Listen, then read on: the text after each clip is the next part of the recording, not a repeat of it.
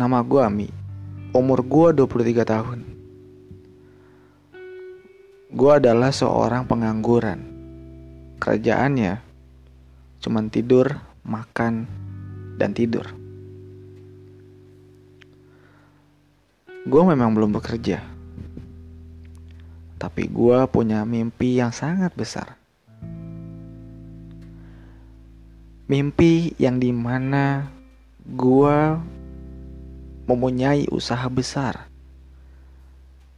adalah production house.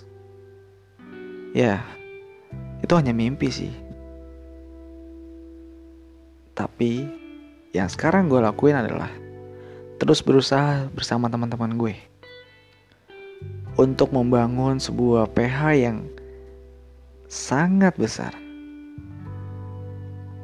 Memang gak gampang untuk membuat suatu usaha atau mimpi-mimpi kita untuk menjadi kenyataan. Banyak di dalamnya tantangan-tantangan dari diri kita sendiri ataupun dari teman-teman gue.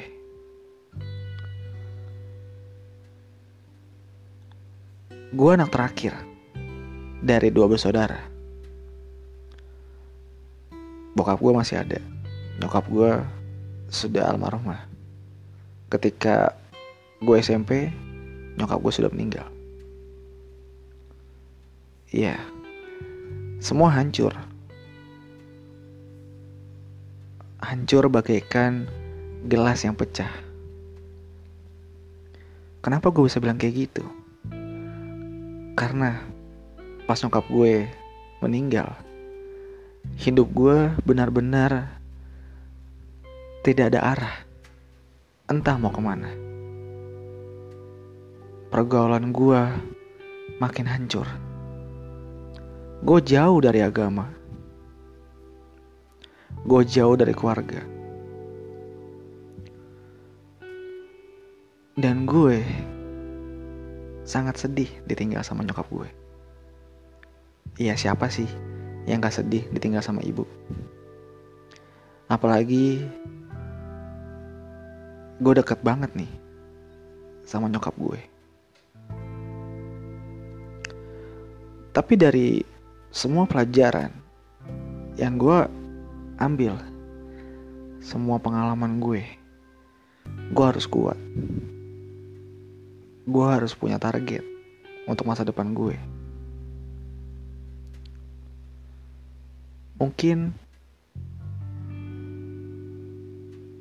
gue bukan siapa-siapa di dalam keluarga gue. Tapi gue punya mimpi. Punya mimpi yang di mana gue harus menjadi siapa-siapa. Ini ego gue. Gue gak bisa egois sama temen-temen gue. Karena gue bekerja dalam tim bukan bekerja individual.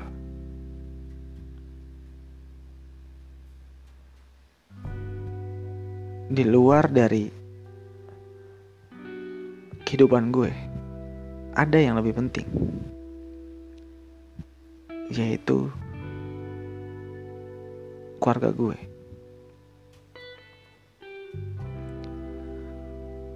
Gue bisa dibilang orang yang pendiam di keluarga. Punya masalah, gak pernah yang namanya gue sharing sama keluarga. Gue itu lebih dekat sama teman-teman gue. Apa pun yang gue lagi rasakan di dalam diri gue, gue selalu curhat sama temen gue. Memang itu tidak baik. Tapi gue nggak tahu harus mulai dari mana kalau cerita sama keluarga?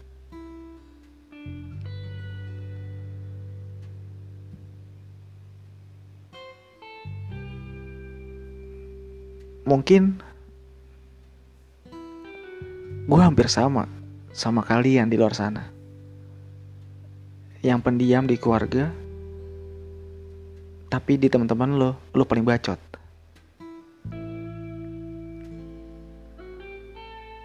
Gue tidak merasakan kebahagiaan di dalam diri gue. Gue selalu menghibur teman-teman gue ketika teman-teman gue lagi sedih.